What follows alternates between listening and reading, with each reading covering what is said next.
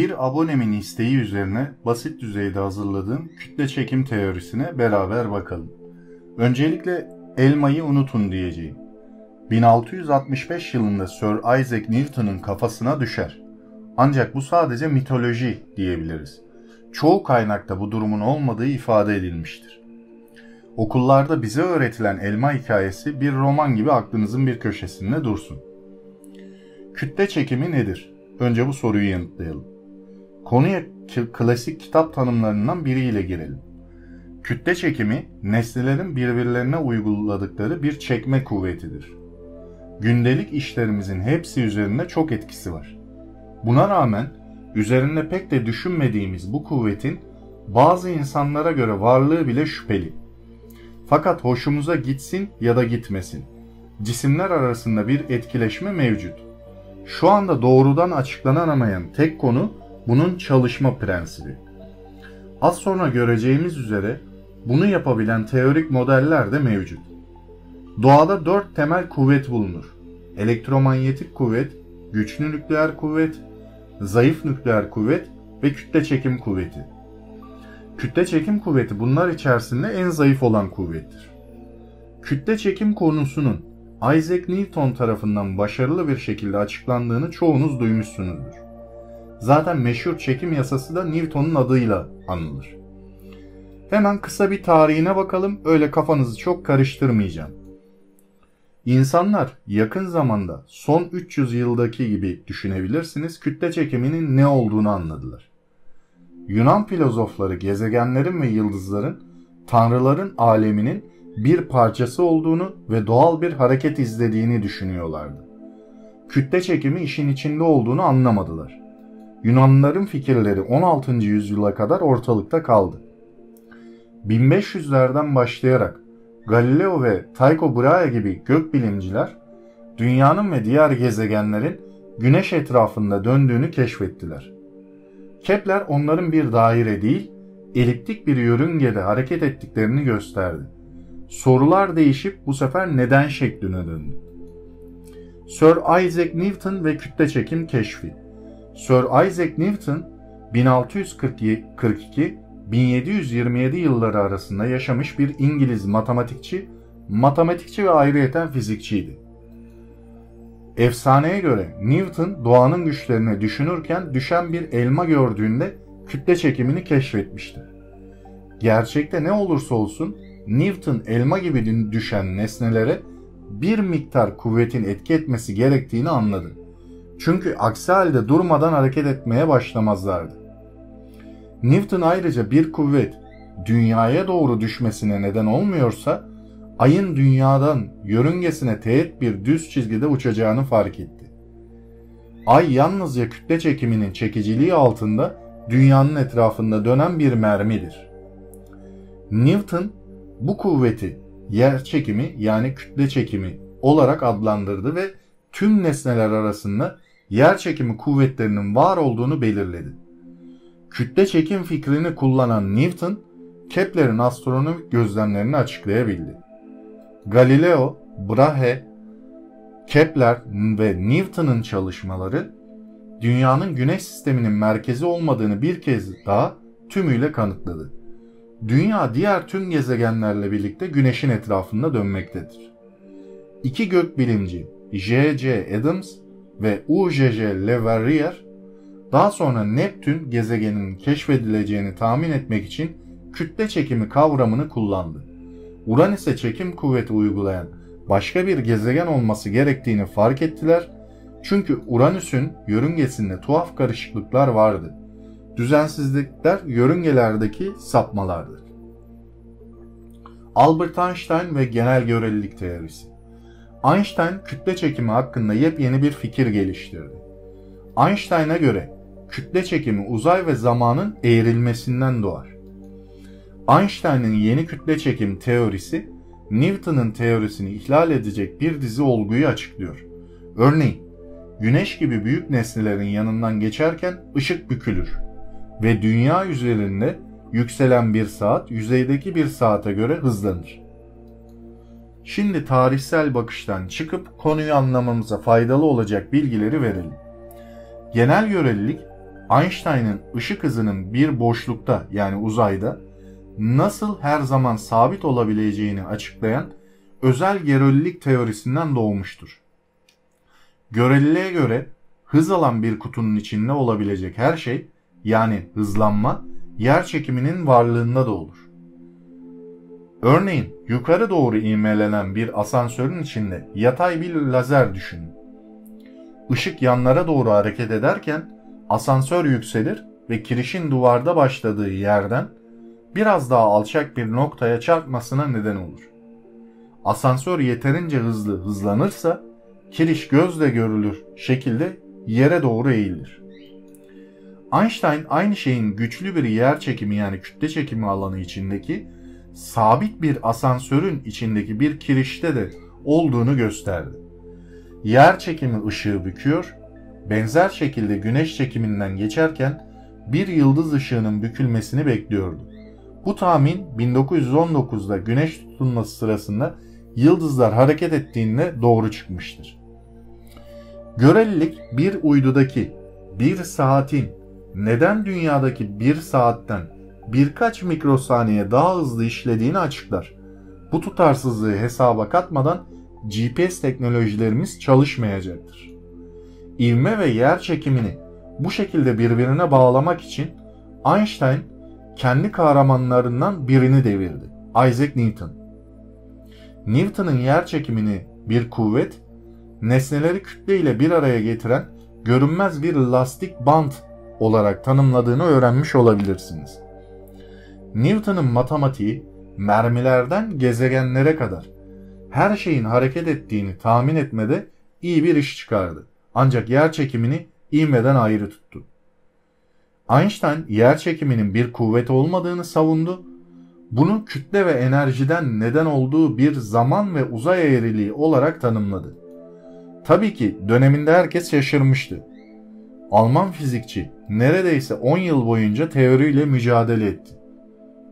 Genç bir Einstein dersi atladığı için bir dönem konuyla alakalı notlarını paylaşan eski bir arkadaşı matematikçi Marcel Grossman'dan bu konuda yardım aldı. 10 denklemde ortaya konan matematiği yer çekiminin çarpık bir gerçeklik yoluyla nesnelerin etrafında nasıl hareket edebileceğini ve herhangi bir gizemli Newton kuvveti hissetmeden hızlanabileceğini açıkladı. Şimdi Einstein'ın tuhaf tahminlerine bakalım. Görelilik birçoğu deneysel olarak doğrulanan çok sayıda tuhaf tahmin yapar. Sadece tuhaf görünüyorlar çünkü günlük hayatımızda fark etmiyoruz. Çoğunlukla Newton'un gerçekliğinde yaşıyoruz. Ancak bunun ötesinde yer çekiminin uzay ve zamanı kendi iradesine göre büktüğü Einstein'ın evreni yatıyor. İşte teorinin en garip yan etkilerinden bazıları. Yer çekimi kelimenin tanım anlamıyla zamanı yavaşlatır. Yıldızların yaydığı ışık dalgaları bu zaman bükülmesinden dolayı uzar ve büyük bir nesneye daha yakın olan nesneler daha yavaş yaşlanır. Atomların titreşmelerine göre çalışan süper hassas saatler yer çekiminin zamanın akışını değiştirdiğini doğrulamıştır. Burada şu örneği hatırlatmak isterim. Atom saatleri bu örneği doğrulayan e, asıl e, icadımızdır. Şu anda günümüzde de var olan. Uydular. Dönen gök cisimlerinin bir kaşıkla bükülen bal gibi kozmosun dokusunu kendi etrafında döndürerek jiroskopların hareketini etkilediğini göstermiştir. Bir tahmin, uzun süredir devam eden bir ikilemin, Merkür'ün yörüngesindeki Newton matematiğinin açıklayamadığı tuhaf bir yalpalama yani sapma. Gökbilimciler başlangıçta Vulkan adında gizli bir gezegeni suçladılar. Görelilik, güneşin güçlü yerçekimi tarafından uzayın çarpıklığı açısından sap, sap, sapma yapan yörüngeyi açıklamıştır. Burada e, Vulkan gezegeni Star Trek ya da diğer dizilere benzetebilirsiniz. Oradan da esinlenmişler sanı. Gerçekte çarpışan kara deliklerin neden olduğu küçük dalgalanmalar yer altında gömülü son derece hassas aletlerin sensörlerini tetiklemiştir. Buna LIGO örneğini ya da diğer IceCube'de bulunan e, parçacık algılayıcı cihazları söyleyebilirim. Kütle çekiminin bazı astronomik yönleri. Yer çekimi yani kütle çekimi çok zayıf bir kuvvet olduğu için bunun ayırt edici etkileri yalnızca kütleler aşırı büyük olduğunda ortaya çıkar. Işığın yer çekimsel olarak çekilebileceği fikri Mitchell tarafından ileri sürülmüş ve Fransız matematikçi ve astronom tarafından incelenmiştir. Uzaktaki bir nesneden gelen ışık, güneş dışındaki nesnelerin yakınından geçebilir ve onlar tarafından yönlendirilebilir. Özellikle büyük bir galaksi tarafından saptırılabilir. Dünyadan görüldüğü gibi bir nesnenin büyük bir galaksinin arkasında olması durumunda yön değiştiren ışık dünyaya birden fazla yoldan ulaşabilir. Kütle çekimsel merceklenme durumu da Einstein'ın açıkladığı bu tarz bir görüşten kaynaklanmaktadır. Hem Mitchell hem de Laplace çok yoğun bir nesnenin ışık üzerindeki çekiciliğinin ışığın nesneden asla kaçamayacak ve onu görünmez kılacak kadar büyük olabileceğine dikkat çekmiştir. Böyle bir fenomen ancak kara delik olabilir. Kara deliklerin göreceli teorisi son yıllarda kapsamlı bir şekilde geliştirildi ve gökbilimciler bunlarla ilgili kapsamlı gözlemler yaptılar.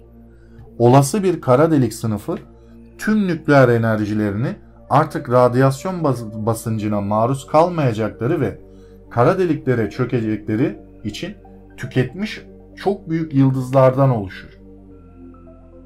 Daha az kütleli yıldızlar ise nötron yıldızlarına dönüşebilir. Çoğu galaksinin merkezinde Güneşinkinden milyonlarca hatta milyarlarca kat daha fazla kütleye sahip süper kütleli kara deliklerin var olduğu düşünülmekteydi. Burayı devam ettireyim.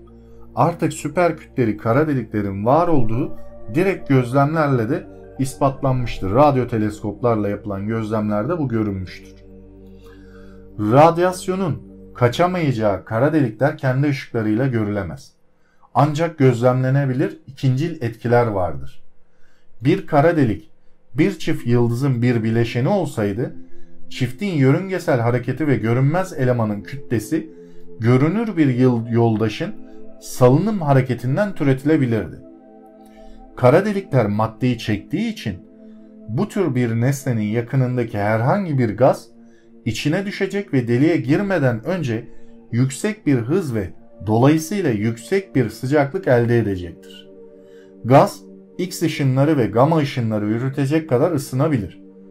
Böyle bir mekanizma galaksilerin ve kuasarların merkezindekiler de dahil olmak üzere en azından bazı güçlü X ışını ve radyoastronomik kaynakların kökenidir.